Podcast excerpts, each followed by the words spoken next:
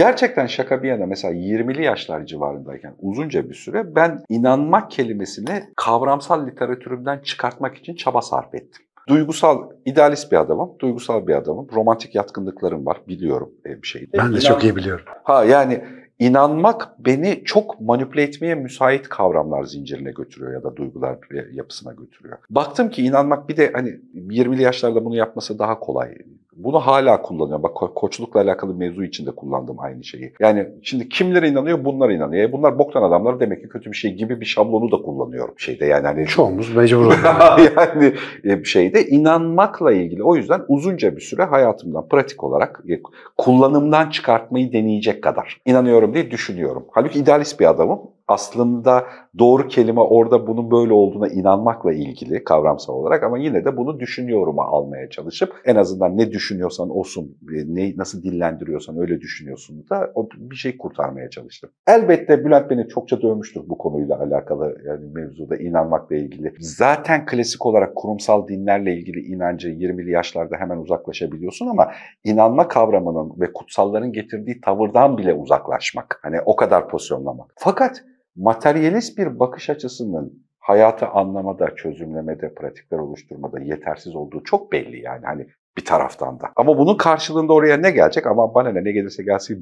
rahatlığında duruyorsun ama teorisini konuştuğunda oraya bir şeyi doğru tarif edilebilir mantıkta bir şeyi de taşıman gerekiyor. Ve ister istemez kaçınılmaz bir şekilde en son bu Mardin'de oradaki arkadaşlarımla beraber konuşuyordum. Yılın yarısını Mardin'de, yarısını Amerika'da San Francisco'da yaşayan bir arkadaşım var. Şey diye tarif etti. Amerika'nın psikolojik rahatsızlıklar konusunda çok ciddi bir problem yaşadığını ve bu kutsalları algılamada, öyküleri, hikayeleri doğru biçimlendirmede başaramadığı, sadece sırtını materyal bir tanımlamada tutmanın getirdiği bir hikayenin sonucu diye böyle doğalında anlattı. Yani dini bir öykünün bir parçası ya da bir şey olarak da değil. Yani hele de Mardin gibi o mistik kafasının olduğu bir yerde. Bak bura kendi içinde katman katman başka zihinsel yapılar, başka bir inanç formu da kullanabiliyor ama Amerika'ya gidiyorsun ve orada her şeyi materyalist bir tanımla yapıyorsun. %50'ye yakını bence psikolojik anlamda ağır rahatsız farkında değiller diye bir tarif kullandı. Orada e, ve çok haklı buldum çünkü o adamlarla burada İstanbul'da karşılaşıyoruz. Biz burada da o materyalist zihnin getirdiği bir boşlukla karşılaşıyoruz. Şu inanç mevzusunu yeniden tarif etmeye ihtiyaç var. Bir geçen seninle sohbet ediyorken sen bunun kitabını yazıyorsun bu arada. Yani bu aslında sohbet içerisinde buradan geliyor şeyde manaya anlamın e, üzerine. Bir örnekle beraber daha anlaşılır, materyalist bir yerle mantığını kurduğum, zincirini kurduğum bir örnek geliştirebildim.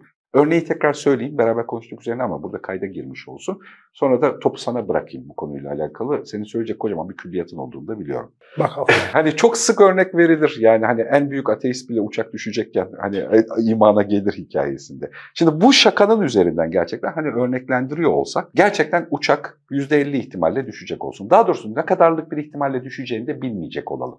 Uçağın içerisindesin. Uçağın ama düşme ihtimali var konuda. Uçağın düşme ihtimalinde buna rasyonel olarak bu ihtimali hesaplıyor olmak karıma değil. Burada dünyanın en saçma şeyini işte ne bileyim çok sevdiğim bir arkadaşım bana bu peçeteyi verdi. Bu peçeteyi bana verdiyse bu uçak düşmeyecek gibi saçma bir inancı sahiplenmek zihinsel olarak hem duygusal olarak hem zihinsel olarak daha karlı o uçakta. Ve seni güvende tutuyor ölene kadar. Ölene kadar. Yani öleceksem zaten o rasyonel ölme oranım var. İşte atıyorum %50 ihtimalle zaten ölecektim. Öleceğim ya da ölmeyeceğim. Ama ölmeyeceksem de ölümü destekleyecek davranışları yapmayan, yani paniklememem, ölene kadar ki zamanımı kötü geçirmemem için duygusal anlamda o peçetenin benim bu uçağın düşmesini engelleyecek olduğunu düşünmeme sağlayacak bir inanç. Tuhaf bir şekilde işlevsel bir inanç. Yani gerçekten işime yarıyor. Yani beni daha nitelikli hale getiriyor, daha anlamlı hale getiriyor ki bir de burada ben işte paniklemeyip doğru davrandığım için düşme olasılığını azalttığım gibi falan daha, daha uyumlu, adaptif davranışlar gösteriyor. Göstereceğim gibi şeyleri de var, pozitif şeyleri de var. Mesela bu örnek üzerinden baktığında inanç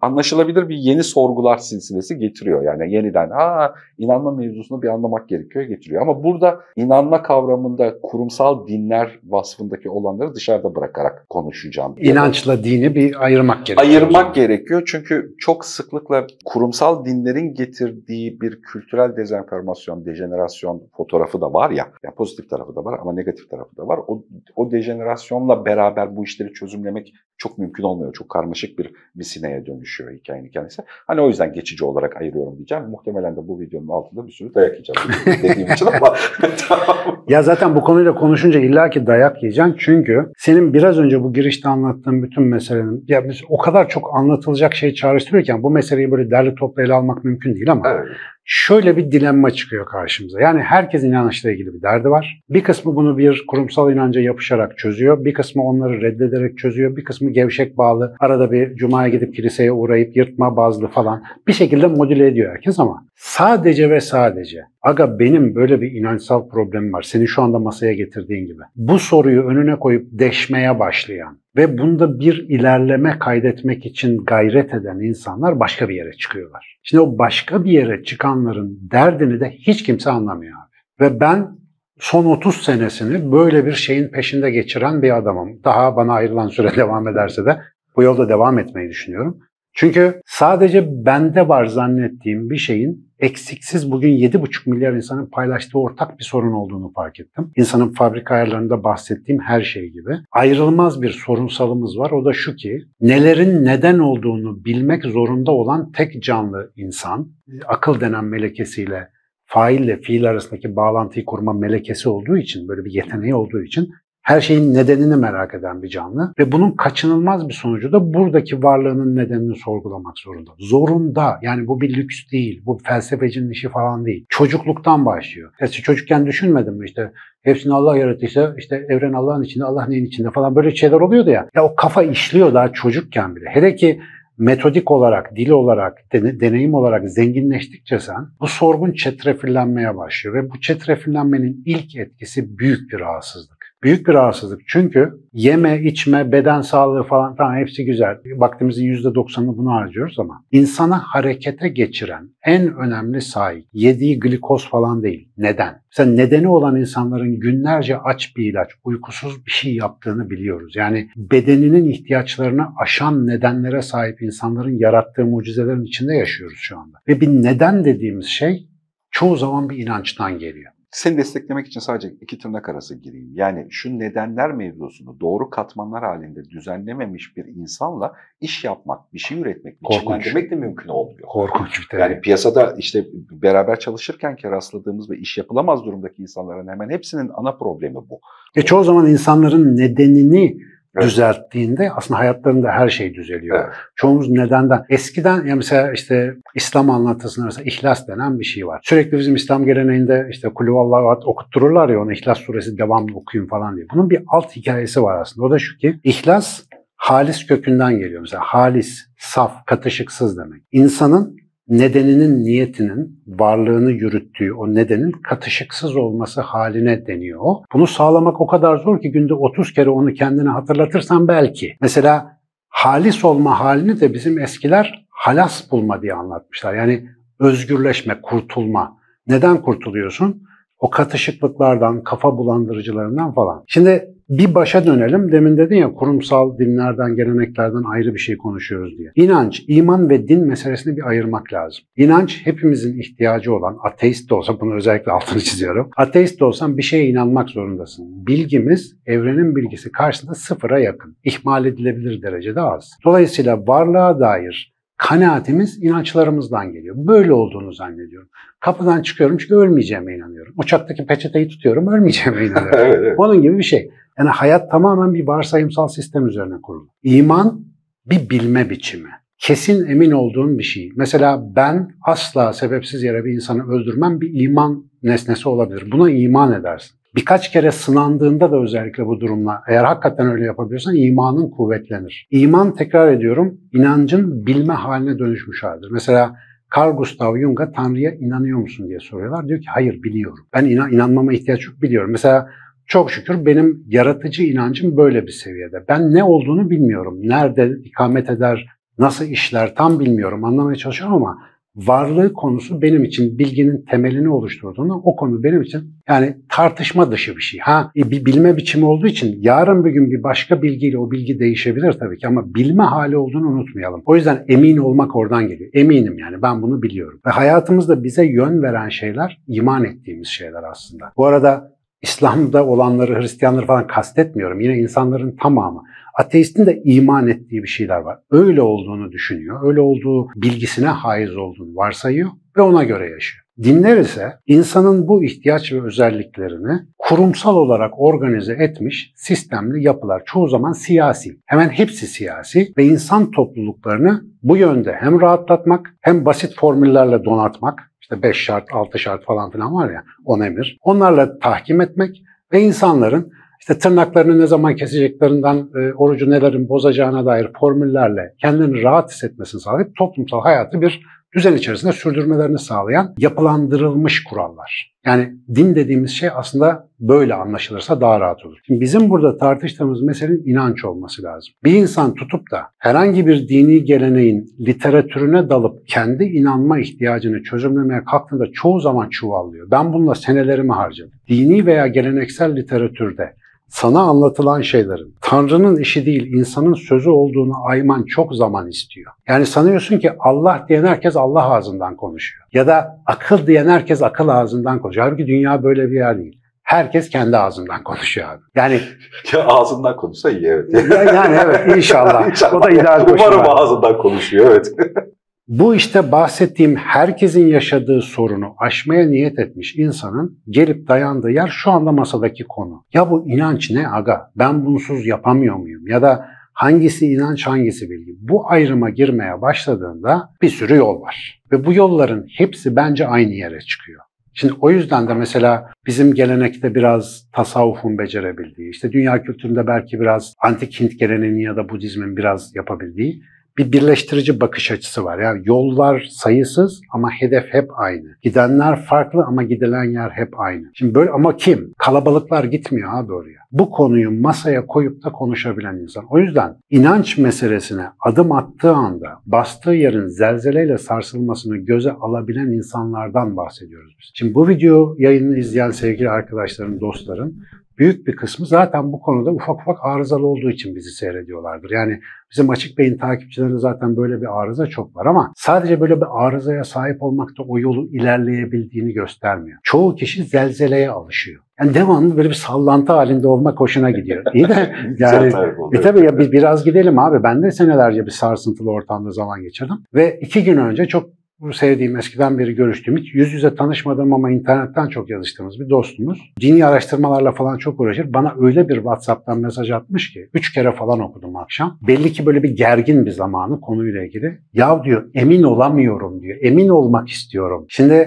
söylediği kelime aslında İslam literatüründeki adı imanım zayıfladı. Yani o var olan bilgi beni tatmin etmiyor. Ve bu arkadaşımızın ben yıllardır hep insan kaynaklı dini literatürle çok haşır neşir olduğunu biliyorum. Uğraştığı insanlar çok büyük insanlar insanlar olsa da hep insan sözlerinin kendisi için ne söylediğini anlamaya çalışıyor. Ben de ona yıllarca diyorum ki baba bak dışarıda çalışıyor senin aradığın kişi. Doğrudan işliyor yani araya başka insanları sokma gel biraz biyoloji, fizik bir şeyle uğraş da onu öğrenelim. Bu kadar adamların sözüne vakit yatırdığın kadar şu bilime, felsefeye bir şeye vakit yatır. Biraz onu görelim beraber. O o kadar büyük bir dini literatürle meşgul ki vakit kaybı görüyor benim söylediğim şeyler. Çünkü şöyle bir algısı var. Birçok insanda bu algı var. Hatta dini inancı olmayanlarda da bu algı var birileri benim aradığım yere benden daha yakın. Dolayısıyla o bana söyleyecek ben de yırtacağım. İşte dini literatürü takibimiz böyle abi bizim. Biri demiş eteğine yapışayım yırtayım değil mi? Bizim kültürde vardır anlat. Eteğine yapışmak diye bir şey var. Şimdi bütün bu hikayeye baktığında bunun çıkmaz sokak olduğu aşikar. Ve neticede inanç denen konu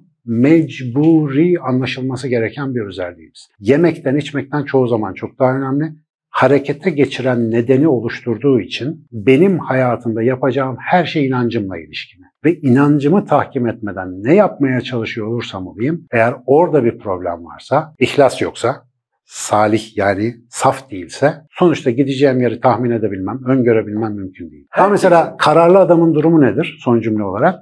Kararı halis adamın nereye gideceğini bilir ve oraya gider. Yani inancın ve nedenin gücü budur işte. Oraya gider o adam. Ne olursa olsun yolda kurşun da yese gider. Oysa biraz kişisel hayatımızda kendimize bunu değer görmüyoruz galiba. Öyle bir sıkıntı hissediyorum ben insanlarda. Böyle bir büyük arayışa Aslında yetkin görmüyorum. ben mesela çok sıklıkla şu YouTube videolarının yorumlarına fırsat buldukça göz atmaya çalışıyorum. Hatta böyle üşenmediğim zamanlarda cevap bile yazıyorum. Bazen beğeniyorum, cevap yazıyorum falan. bir şeydi. Sıklıkla orada mutlak bir bilgiye ulaşmak, şimdi mutlak bilgi diye bir tanım kullanacağım. Göksal'dan alıntıdır bu arada. Mutlak bir bilgiye ulaşmayla alakalı çabayı, yani bana kesin ve keskin ve net bir sınırda bir şey söyle ya da bir şeyi bilelim, bir şeyi anlayayım ve bu anladığım şeyle beraber gideyim. Şimdi bu aslında benim de işte netliğe çok ihtiyaç duyan adamlardan bir tanesiyimdir bir şeyde. E, ama ben 5-10 sene öncesinde anladım mutlak bir bilginin kendisi yok. Mutlak bilgi dediğimiz yerde kullanabileceğimiz tek şey var inancın kendisi. Rasyonel bir bilgiyle mutlak bir sonuca varamazsın. Varamazsın. İnançla varamazsın. Anlamalar kitabını okuyanlar da bunu çok iyi öğreniyor. Evet, evet, evet. Yani hani Spoiler verdim bak. bir şeyde muhteşem bir kitap geliyor arkadaşlar bu arada. Gerçekten çok kılçıksız güzel bir kitap geliyor. Ee, şeyde. Açık Beyin'in, Açık Beyin kitabının en nadide üyesi. Daha da spoiler vermiyor.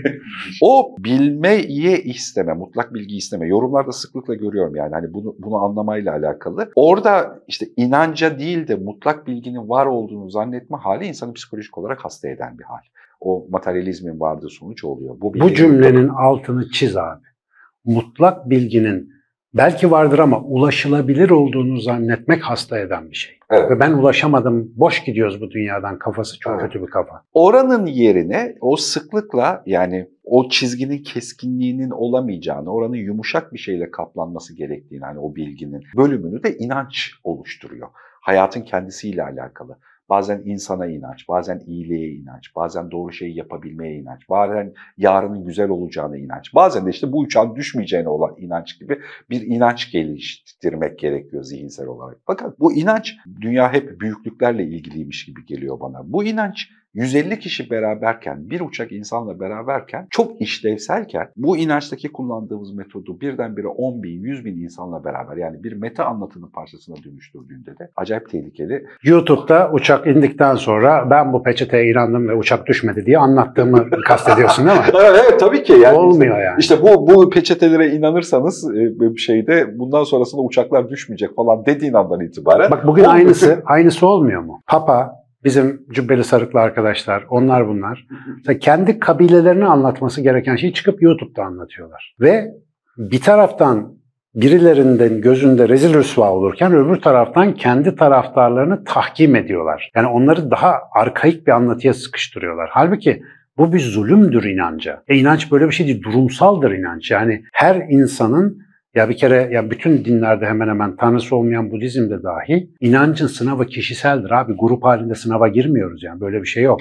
Bilmem kimin eteğini tuttum yırttım hiçbir dini anlayışta yoktur. Bu kadar bireysel bir şey olmasına rağmen anlatının özü grup halinde takılıyoruz ve gruplarda çalışacak şeyleri kutsallaştırıyoruz. Halbuki uçaktaki kadar işlevsel. Bak ben şirketlerde bir şey proje üretmeyle alakalı birçok çalışma yaptırtıyorum, danışmanlığını veriyorum. 5 kişi, 10 kişi, 20 kişinin birlikte bir araya gelip bir şey üretmesi gerekiyor. Öyle üretilebilir işler yapıyoruz, projeler yapıyoruz. E, Batıcıl bir bakış açısıyla, rasyonel bir bakış açısıyla gelen kişilerin birimsel olarak bir öneminin olmadığı bir sistem kurmak istiyor. Ve gelecek kişiyi tanımla, yapılacak işi tanımla, yapılacak zamanlamayı tanımla. Bu geliyorsa bu gelsin, gelmiyorsa gitsin insan kaynakları onun yerine başkasını getirsin gibi bir metotla işletmeye çalışıyor. Sistemin %40'ının buna ihtiyacı var. Rutinde yürüyecek olan %40'ın. %40'da işe yarıyor, %60'da yaramıyor. Yukarıdaki %60 için o bir araya toplanan insanların ortak bir şekilde bu işi yapmayla ilgili bir inanç geliştirmesine ihtiyaçları var. Tüm iş konuşmalar, işle alakalı YouTube'daki literatürün bak iddia ediyorum %75'i bunu konuşuyor. Hani ekip çalışması, birlikte çalışalım, brainstorming bilmem ne dedikleri o kocaman parantez havuzu bu dediğimiz cümlenin havuzu. Aynen öyle. Yani birlikte bu işi yapmaya inanç geliştirmek. Birlikte yaparız abi. Güzel. Hayır hep birlikte yapabilir miyiz? Ya da şunun için yapmalıyız. Şunun için yapmalıyız. Bunu yapmak beni değerli kılıyor, seni de değerli kılıyor. Bunu beraber yapıyor olmaktan mutluyum gibi bir duygu paketini oluşturmak. O rasyonel tanımlamanın ötesinde kişinin kendisine de bir alan açma, bir havuz açma ve bu havuzun kendisine belli biraz duygusal, biraz rasyonel, biraz da inanmakla ilgili bazı kalıpları koymayla ilgili. Çünkü o kişinin o işi yapabilmesi sırasında senin dışarıdan hesaplayabileceğin, planlayabileceğin adımların çok dışında, altında mikro bir sürü karar ve davranış var. Onları yönetecek bir şeye ihtiyacım var. Bu da neden? İnanç işte. Yani o kişi evinde de bu işe kafa yorsun istiyorsan, aklına gelen telefon açıp yönetim kurulundaki arkadaşıyla paylaşsın ve işi büyütmek için içten bir iştiyak hissetsin istiyorsan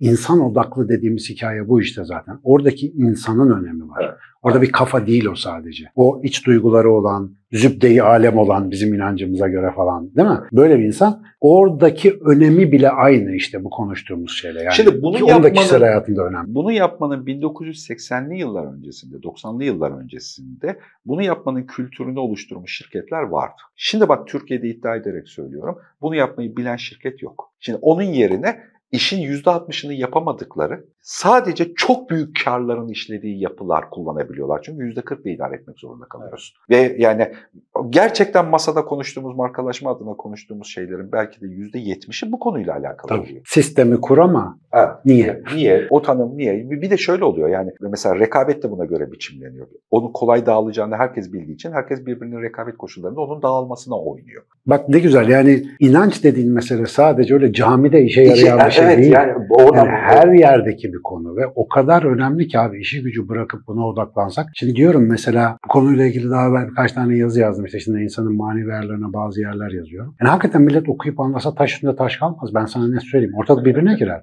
İyi ki herkes okumayacak. İyi ki çok az kişi anlayacak. Yani iyi ki. Çünkü çok yıkıcı bir fikirden bahsediyoruz burada. Burada ilk ben söylemiyorum. Yani binlerce yıldır bu söylendi. Sokrat bile kendini bil derken adam bunu söylemeye çalışıyor aslında ama kendini bilme hikayesi işte çoğunluğun tercih ettiği bir hikaye olmayacak hiçbir zaman. Ama az sayıda insan buna kafa yormaya başladığında onların ortaya koyduğu yol ve metodoloji diğer insanların da hani o filikalara, gemilere binip kurtulmasına vesile olacak. Çünkü öbür türlü haldır küldür böyle giderken bu gidiş gidiş değil abi. Mesela inançsız tamamen dış etkenlerle yönlendirilen güruhlar olmak insan için çok yıkıcı bir kadere götürüyor. Çünkü yani bir mesela ihtiyacından fazlasını almıyorsun değil mi?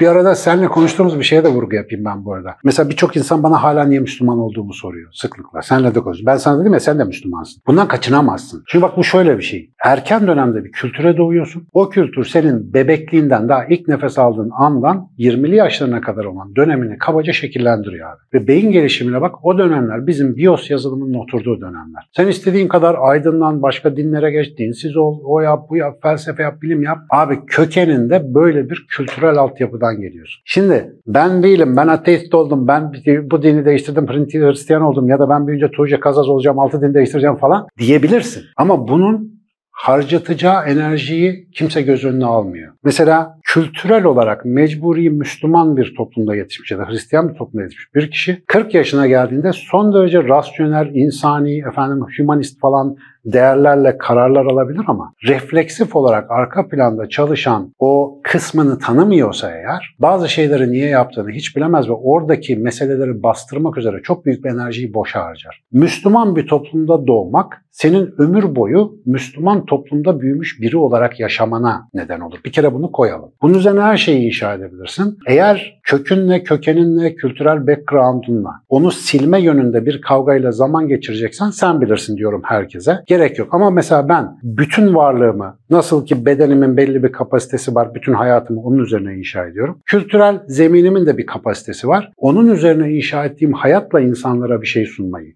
Yani kendi geçmişimi ve kökenimi kabul ederek bunun üzerine bir inşaat yapmayı kabul ediyorsam ne oluyor? Temeller sağlam oluyor. Mesela ben bugün çok şükür son 20 senedir özellikle yaşadığım karşılaşma ve deneyimlerle dünyanın herhangi bir yerinde herhangi bir inanç grubundan insanla saatlerce rahatlıkla konuşabiliyorum ve hepsi sonunda bana ne diyor biliyor musun? E biz aynı dindenmişiz. Bunu Hristiyan'dan duydum, Budist'ten duydum, birçok ateistten duydum. Çünkü neden? Ben bir şeyin üzerine bir şey inşa ettim. Benim deneyimlerimle alakalı. Benimle aynı kökeni paylaşan çoğu insan benim gibi bakmasa da inanmasa da benim umurumda değil. Kültürel olarak o zemini ben başka bir şeye dönüştürmekle yükümlüyüm. Ve maalesef birçok insan sadece dini hayatı düşünmeyelim. Hayatın her aşamasında sürekli ithal felsefelerle, ithal yöntemlerle yaşamak zorunda olduğundan şirketlerin yönetim kurulunda gördüğün o soruna benzer sorunları hayatımız boyunca yaşıyoruz. Odamızı düzenliyoruz ki hayatımız düzene girsin diye. Lan öyle değil o iş. Tabi odanın düzenli olması da iyi bir şey ama şekilsel, sistemsel, etiketsel, kimliksel şeyler çok önemliymiş gibi geliyor bize. Ama içeride her zaman bir Anadolu delikanlısı, her zaman bir arabesk e, işte feryadı. E, e, takılırım ya sıklıkla yani mesela taşra kökenli aristokrasisini İstanbul'da geliştirmemiş olan senin gibi, benim gibi belki de İstanbul'un %70'i gibi hepsinin mesela sadakat sorunu vardır hepimiz. Evet. Hepimiz fazla sadık insanlarızdır. Bize gel buna, buna beni sen ayıktırdın. Ha, bize gelsin birisi iyilik yapsın kazara bizim de ihtiyacımız olsun sıçtık ömrümüz boyunca bağlandık yani zinciri verdik eline yani Hani öyleyiz, hepimiz öyleyiz. Yani tanıdığım insanların hepsi öyle. Bu niyet ederek yaptığımız bir şey, bir şey değil. Kültürel zemin. Kültürel işte kimliğimizden gelen bir bilgiyle oluşmuş şeylerden bir tanesi. Sadakat duygusunu koparamıyoruz. Halbuki birazcık rasyonel bakmak gerekiyor oradaki duruma. Ya baştan o iyiliği almamak gerekiyor. Ya aldıysan da bunu sadakat dışında başka kavramlarla çözmek İşte mesela bak aynen bunu kastediyorum. Bu evet. spesifik örnek inancının, kültürünün kökeninin sana getirdiği bir şey var. Evet kendinin daha iyi bir versiyonu olacaksan bunu fark et, üzerinde çalış, daha işlevsel bir versiyonuna dönüştür. Aynısını insanlarla olan ilişkinde de yap. Aynısını Allah Tanrı bilmem ne inancınla ilgili de yap. Hepsiyle ilgili yap. Şimdi kavramsal Önemli olan işlevsel olması. Evet. Kavramsal olarak katman katman üzerine e, doğru bir mantık silsilesiyle bir şey sorguladığında felsefe yapıyoruz aslında bir ucundan. Burası sağlıklı ilerliyor sorgularken ama sokaktaki insan için başka bir gerçeklik oluyor ya. İşte televizyonda görüyor, işte din adına biri bir şey konuşuyor ya da bir şey söylüyor. Yani çeşitli inanç grupları adına yani hani böyle de söyleyeyim ben birçok İzmirli arkadaşımın aynı kapsamda Kemalizm vasfıyla da bir şey söylediğini görebiliyorum. Aynen. Aynı korkuyla aynı korkunun getirdiği kötücül duyguyla hani öyle tarif edeyim. Aidiyetin ne olduğu çok fark etmiyor. Çok fark etmiyor ama onu görür görmez e, eğer işte tanımlı olarak kullandığımız kimliğime adını koyduğun şey buysa ben bu değilim diyor. Şimdi aslında hani o davranışın o reaksiyonun ben bu değilim reaksiyonu sokaktaki konuşulurkenki hali o ve ne yazık ki ister istemez sadece o katmanda kalıyor konuşma. O yüzden de herkes herkese o musun değil misin, bu musun değil misin, burada mısın değil misin? Hani Gerçek İslam bu değil. Ha işte. Atatürkçülük asla böyle bir şey Asla böyle bir şey değil falan. Yani işte böyle giden bir konuşma silsilesine geliyor bir şeyde. O yüzden bu sohbet yani bunun muhabbeti katman katman işte çözümlenip üzerine gittiğinde bir şey. O yüzden seninle karşılaştığında birisi sen Müslümanım dediğinde bu hikayeyi anlamıyor ki. Sen Müslümanım dediğinde Başka sen şimdi şey. cübbeliyle aynı yerde misin değil misin? Bana onu söyle diyor. Aynen öyle. Tamam ya ben onu görüyorum hani şeyde e ben Müslümanım. Sen cübbeli bana imansız dediğinde ben Müslüman olmaya devam etmemi de anlamıyor. Ha ya. Çünkü mesela kendisi ateist olan adam cübbeliyi İslam dininin sahibi gibi gördüğü için beni İslam'dan göremiyor. Çelişki anlıyor musun? Evet, evet, evet. Ya sen işte, ateistsin. Bana niye Diyanet'in fetvalarıyla muamele ediyorsun yani? Bütün bu konunun aslında seninle ta ne zamandır konuştuğumuz şu A toplumu, bağ toplumu hikayesinde o kadar önemi var ki. Yani artık bu kadar kalabalıklaştığımız ama bunun nispetinde o kadar da yalnızlaştığımız bu yeni halde ta Hira'ya çekilen Hz. Muhammed'in ihtiyaçlarının tekrar gündeme geldiği bir zamanda olduğumuzu fark etmemiz lazım. O kişi Arabistan'da yaşayan bir insan olarak ya da işte Musa gibi, İsa gibi işte bütün peygamber aziz hikayelerini düşün. Bunları dağa, bayıra, zindana, kuyuya kaçıran bir şey vardı. O tantana içerisinde bir şey sorgulamaya çalışıyorlardı. Birkaç sene önce, 50 sene, 100 sene, 500 sene önce kabaca onların getirdiği geleneğin bir küçük gruplar halinde organize olmuş insanlar olarak işimize yaradığı dönemleri geçirdik. Şimdi her şeyle karşı karşıya kaldığımız ve ya sorgulayacağımız ya içimize kaçacağımız bir dönemdeyiz. Bunu fark etmemiz lazım. Dünyada 1 milyar 200 milyon Müslüman olduğunu söylüyorlar kabaca. 1 milyar 200 milyon tane farklı İslam'ın olmasına izin veren bir organizmadan bahsediyoruz biz insan derken. Eğer bugünkü herhangi bir İslam temsilcisi, herhangi bir Hristiyanlık temsilcisi, herhangi bir ateizm temsilcisi bunu yok sayıyorsa anakronik olarak zamanın dışına düşecek. Ya bunun lamı cimi yok ve her birimiz tekil hayatımızda bu arada çok şükür 7,5 milyar insan bunu yapamayacak. Biraz önce söylemiştim. Sadece bu videoyu izleyenlerin %5'i, onların da konuştukları kişilerin %2'si bunu yapabilecek. Orada orada öne engel olan bir durum daha var ama bunu da acık fark edip altını çizmek gerekiyor. Bunu aslında Müslümanlık değil Hristiyanlık başlatmış gibi görünüyor. Hristiyanlık sosyal olarak ekonomik ve siyasal bir örgüte dönüp yani devletin öncül tavrı, devletin öncül fonksiyonu gibi bir fonksiyona erdi. Kilise dediği şey muhtarlıktır aslında. Yani ilk ilkel muhtarlık. Yani oradan doğumları görürsün, ölümleri görürsün. Vergiyi de kilise üzerinden toplarsın aslında. O yüzden Vatikan denen şey aslında dünyayı önemli bir süre yani bin yıla yakın bir süre altında krallıklar varmış gibi görüyor ama aforoz etme yetkisiyle beraber yönetmiş. Her tarafı kontrol ediyor. Kontrol ediyor yani biçimlendirebiliyor. Kültürel olarak da ekonomik olarak da yani bir devletin yapacağı tüm fonksiyonlarla yapıyor. Şimdi aynı şekilde böyle bir yapı olduğunda biliyorsun dünya hiç tekil yapıyı kaldırmaz hep dualizm ister. İslamiyet de aynı fonksiyonla karşılığını bir imparatorluk olarak pozisyonluyor. Aslında İslami bir imparatorlukla Hristiyanlık bir Hristiyan bir imparatorluğun çatışması daha büyük bir e, şeyi de bu ikisinin ortak bir şekilde de pagan inanışlarla çatışması. Yani pagan inanışlar var. Bizde de hilafet makamı dediğin Ha, sistem var. Şimdi buradaki buradaki bu e, çatışmanın kendi oluşturduğu politik hikaye background'umuz aşması kolay değil. O aynı zamanda farkında olmadan sen Müslümanım derken ya da Hristiyanım derken aynı zamanda bir devletin yani bir imparatorluğun bir üyesi olarak da konuşuyorsun hala. Yani birçok insanın zihninde ya da hikayesinde. Biraz onu da şey yapmak gerekiyor. Şimdi işte bizim bunları YouTube'da bir programda konuşabilme cesareti bulmamız da zamanın ruhunun ne kadar kaydığını gösteriyor. Evet. Şimdi o eski emperyal söylemlerin yeni nesilde gene bunlar konuşulan tarzında algılanması bir şeylerin zorlandığını gösteriyor bize. Yani o günkü dil bugün çalışmıyor. O günkü kafa bugün hiç işe yaramıyor. Dolayısıyla bugün başka bir şey yapmak gerekiyor ama başka bir şey yeni bir şey değil. Zaten var olan bir şey yani örnekleri tarihte var. Tekil aydınlanma dediğimiz meseleye şu anda hepimiz mecburuz. Bunu herkes tabii yapamayacak demin dediğim gibi ama iki kişi becerirse yanındaki 50 kişiye çok büyük fayda verecek. Çünkü onlar önder olacaklar. Onlar diyecekler ki öyle yapmayalım, böyle yapalım. Niye? Çünkü şundan dolayı mesela bir bilim adamı çıkacak diyecek ki ama bütüncül bir bilim insanı. Diyecek ki abi benim gördüğüm kainat böyle çalışıyor biz şunu yanlış yapıyoruz. Ve o inancı gereği doğadan en doğru bilgiyi alabileceğine inandığı için mesela bu bir Müslüman, Hristiyan, ateist bir bilgin olabilir hiç fark etmez. Oradan aldığı veriyle bir sürü insana rehberlik ederek bizim ama böyle bir insan nasıl çıkacak? Yani ben dini geleneği tekrar emperyal dönemdeki gibi tahkim edeceğim diye uğraşırsam. Yani şekil şemali ya da tekrarlı ritüelleri bu işin özü zannedersem ya da şımarık bir çocuk gibi kültürüne, özüne dair her şeyi tük haka diye gönderip de hiç bilmediğin bilmem ne aydınlanmacı ufuklara açılmayı yenilik zannedersem ya da ilerilik zannedersem bu sistem çalışmayacak. O yüzden herkesin kökeniyle barıştığı, kökeniyle bu yeni zamandan öğrendiği ve sürekli kendisini dövdüğü bir sürece ihtiyacı Bu var. arada şu köken bakış açını çok doğru buluyorum. Yani belki sohbet ederken bunu Ama kadar- Müslümansın kabul et. Şey yok. Ya, ya. Müslümansın. Samsunlu bir Müslümansın sen abi. Yapacak bir şeyin yok yani. Yani isterse mesela ailenin hiçbir ritüeli olmasın. Ki anne, baba, teyze, hala hepsi ateist olsun. Hiç fark etmez. Yok yani ya gayet de...